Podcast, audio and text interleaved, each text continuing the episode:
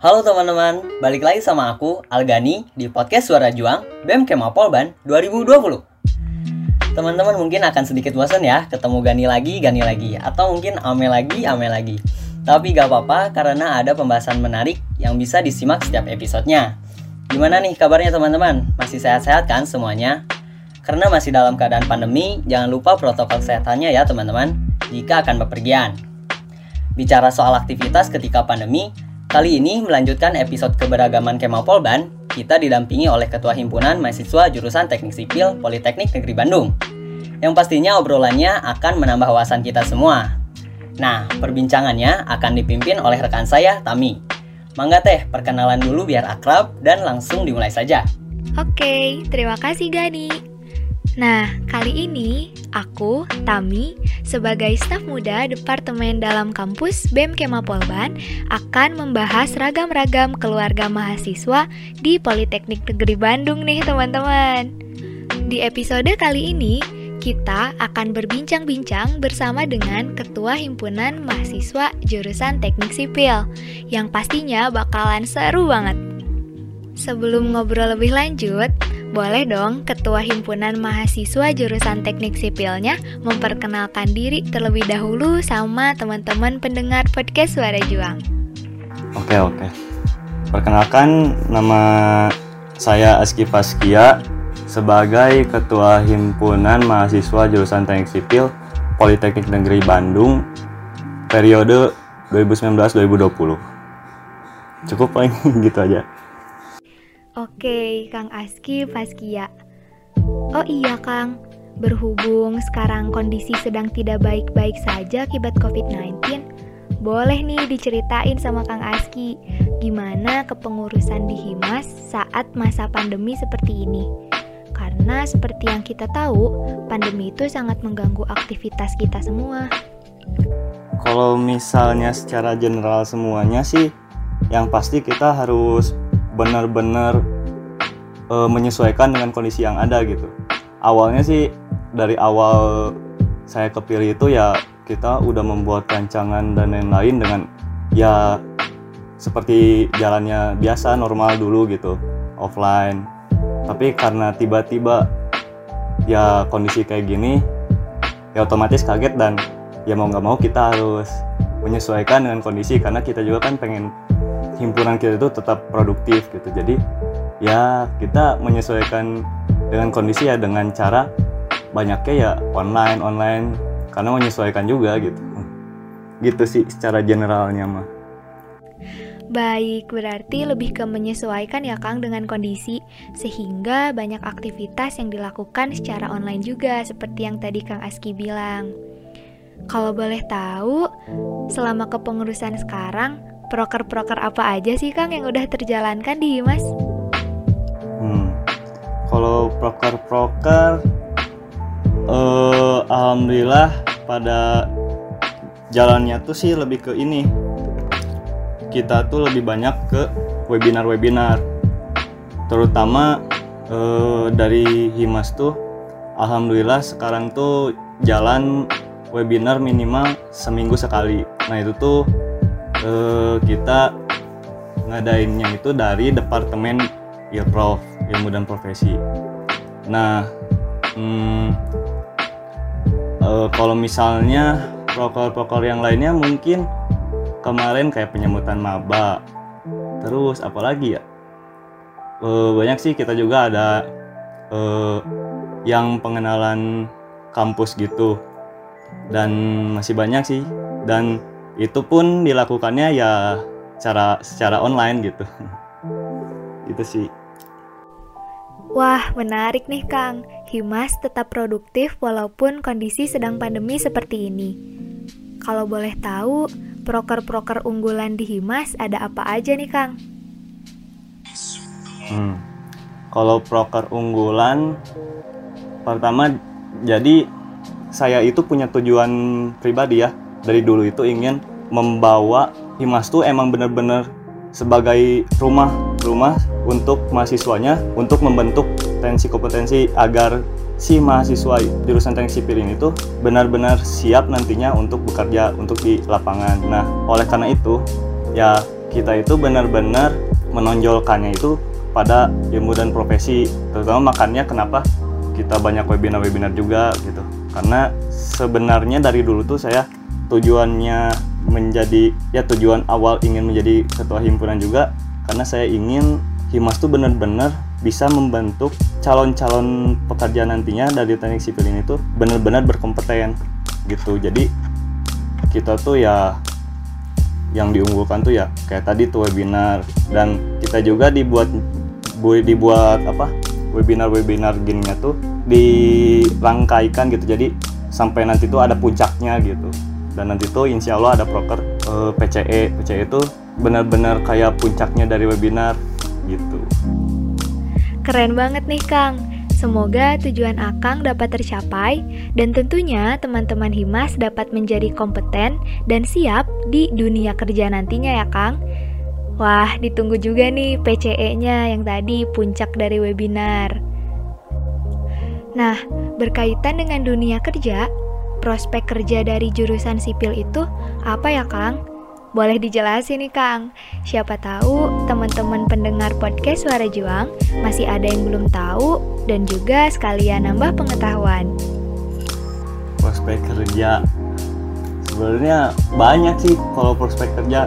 Nah kebetulan juga kan kemarin-kemarin tuh kalau webinar-webinar itu yang udah terlaksana itu kita kan banyak sharing lebih ke sharing-sharing sama alumni juga gitu yang udah kerja. Nah di situ juga mm, ternyata enggak hanya uh, apa ya kerjanya tuh di sipil lagi sipil lagi enggak juga gitu. Ternyata ada yang di asta ada yang di perminyakan banyak sih kalau dari sipil tuh ya mungkin e, memang orangnya tuh ya dari polban emang berkompeten juga mungkin ya. Jadi ya e, banyak gitu untuk apa ya prospek kerjanya. Tapi kalau misalnya untuk sip, yang benar-benar sipil sih ya mungkin ada yang sebagai kontraktor, PM dan lain-lain yang di mana lebih ke yaitu pembangunan gedung, jalan dan lain-lain lah itu sih banyak. Oke, berarti untuk prospek kerja cukup beragam ya Kang? Nah, kalau boleh tahu, ada nggak sih Kang hal-hal di Himas yang masih berkaitan dengan bidang edukasi atau keilmuan selain dari proker yang tadi udah Akang jelasin? Proker-proker yang selain yang selain dengan keilmuan dan profesi ya? Hmm, masih berkaitan dengan bidang edukasi atau keilmuan Kang, tapi selain dari webinar karena tadi udah Akang jelasin. Kalau kita sih ini sih paling kayak lebih ke selain itu selain webinar-webinar gitu kita ada pelatihan pelatihan aplikasi-aplikasi karena kan di dunia kerja sekarang tuh di teknik sipil sudah umumnya menggunakan aplikasi-aplikasi seperti Etaps, terus SAP dan lain-lain. Nah, kita itu eh, alhamdulillah selalu berusaha untuk mengadakan agenda-agenda untuk pelatihan software gitu. Nah, selain webinar, kita juga ada pelatihan software gitu. Oke, berarti benar-benar berguna banget ya Kang ya. Alhamdulillah, mudah-mudahan. Wah, kalau gitu sih berarti benar-benar berguna banget ya Kang untuk persiapan nanti di dunia kerja. Makasih banget nih Kang udah mau sharing tentang keilmuan dan edukasi. Oke, sekarang kita langsung aja masuk ke topik selanjutnya. Seperti yang kita ketahui dan juga teman-teman pendengar podcast Suara Juang ketahui, Kang Aski Faskia ini sedang menjabat sebagai seorang kahim. Lebih spesifiknya di Himpunan Mahasiswa Jurusan Teknik Sipil Politeknik Negeri Bandung. Nah, hal-hal apa aja yang bisa didapatkan khususnya untuk Akang pribadi ketika Akang menjabat sebagai ketua himpunan? Hmm, lebih ke apa nih yang didapatkannya? Pengalaman gitu-gitu. Yang didapatkannya bisa dalam hal apa pun Kang. Boleh banget nih di share kalau dari saya pribadi ya setelah menjadi ketua himpunan itu walaupun belum beres ya baru setengah periode lah kurang lebih. Ya pasti e, perubahan itu pasti kerasa banget lah pasti banyak gitu. Nah terutama ketika saya awal-awal naik menjadi ketua himpunan ini tuh tiba-tiba langsung ditemukan oleh apa sih kondisi covid ini gitu. Nah di situ juga uh, udah mah ya saya sendiri kan belum pernah punya pengalaman sebagai ya misalnya ketua osis gitu-gitu. Saya kan belum pernah gitu. Nah ketika awal-awal menjadi ketua himpunan dan langsung ada kondisi kayak gini ya awal-awal sih kaget gitu tapi ya di situ ya saya tetap tetap optimis tetap percaya diri bahwa ya mungkin emang ini jalannya agar saya bisa ya lebih baik lagi gitu. Karena ya saya percaya juga gitu ya ya Allah kan nggak akan memberikan kepada hambanya itu masalah yang nggak ada jalan solusinya gitu. Nah saya percaya pasti saya bisa melewatinya ya. Itu tuh benar-benar jadi tantangan yang paling kerasa itu mulai dari sabar mulai dari pola pikir sangat terlatih gitu. Karena kan ketika ada kayak gitu tuh ya ya kita semua tuh kayak saya dan e, jajaran lainnya benar-benar muter ot muter otak gitu. Gimana caranya biar tetap jalan walaupun kondisi kayak gini. Nah itu tuh banyak banyak banget sih yang apa ya yang kerasa lah gitu. Yang bener-bener kerasa perubahannya. Nah terutama sih pola pikir tuh bener-bener ke beda banget lah. Bener-bener kelatih banget gitu. Wah bener banget nih Kang di tengah pandemi seperti ini semuanya harus dapat dihadapi dan dikelola dengan baik dengan berbagai upaya dan juga strategi yang sangat melatih pola pikir tentunya ya Kang Oke, kalau boleh kita lihat lagi ke belakang, kita flashback nih Kang ceritanya. Apa sih latar belakang yang membuat Kang Aski semakin mantap untuk menjadi seorang kahim di Himas? kalau ini yang bikin jadi makin mantap jadi pengen jadi kahim atau awal mula pengen jadi kahim dulu? Wah, boleh nih dari awal mula diceritain Kang. Awal mula sih kalau saya pribadi itu melihat apa ya awal mula jadi dulu tuh dari ya dari dulu dulu tuh ketika melihat teman saya yang menjadi maksudnya kayak uh, kasarnya mah ya wah ya dan jadi kalau sama teman-temannya tuh nurut gitu jadi misalnya teman saya tuh uh, ayo ke sini. Nurut pada nurut. Nah kalau kayak gitu kan kadang suka di situ tuh oh saya juga pengen atau kayak gitu gitu ya.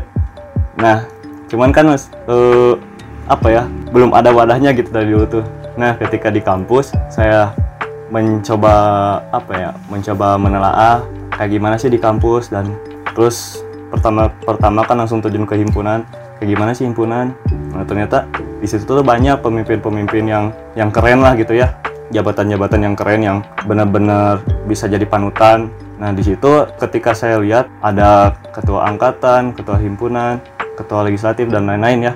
Nah di situ saya mulai tergerak tuh hati tuh pengen wah ini saya pengen pengen ikutan nih biar saya ya bisa lah ketika saya ngajak ke sini ada yang ikut gitu.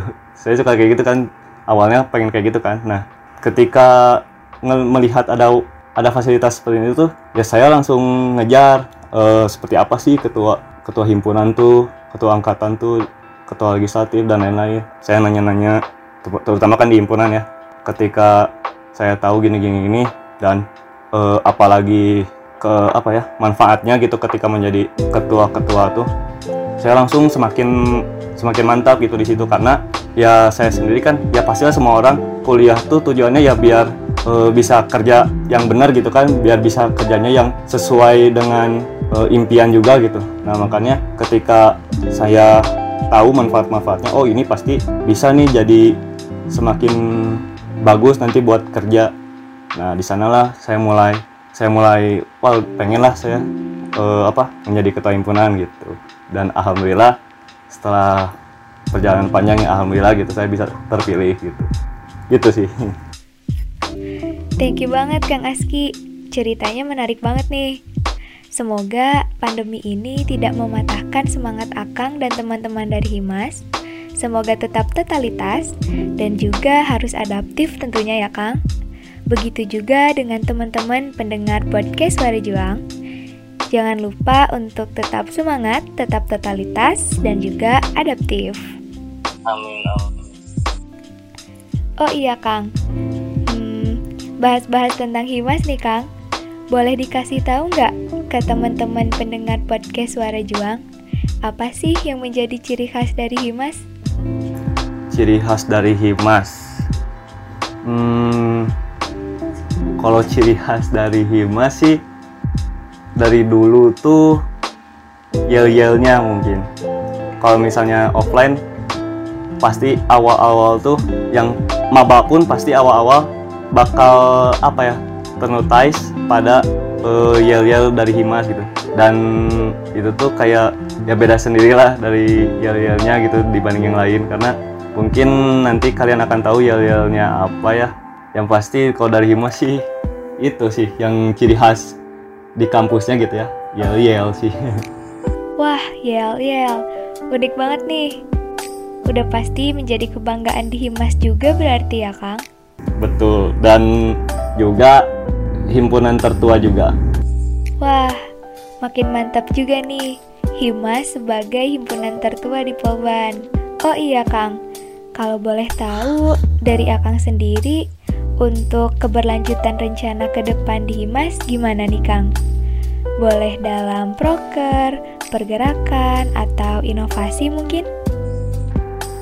Hmm, keberlanjutannya sih ya kalau misalnya untuk kepengurusan sekarang ini, kepengurusan saya sekarang ini, ya saya tetap mengejar seperti tujuan awal saya ketika ingin menjadi kahim.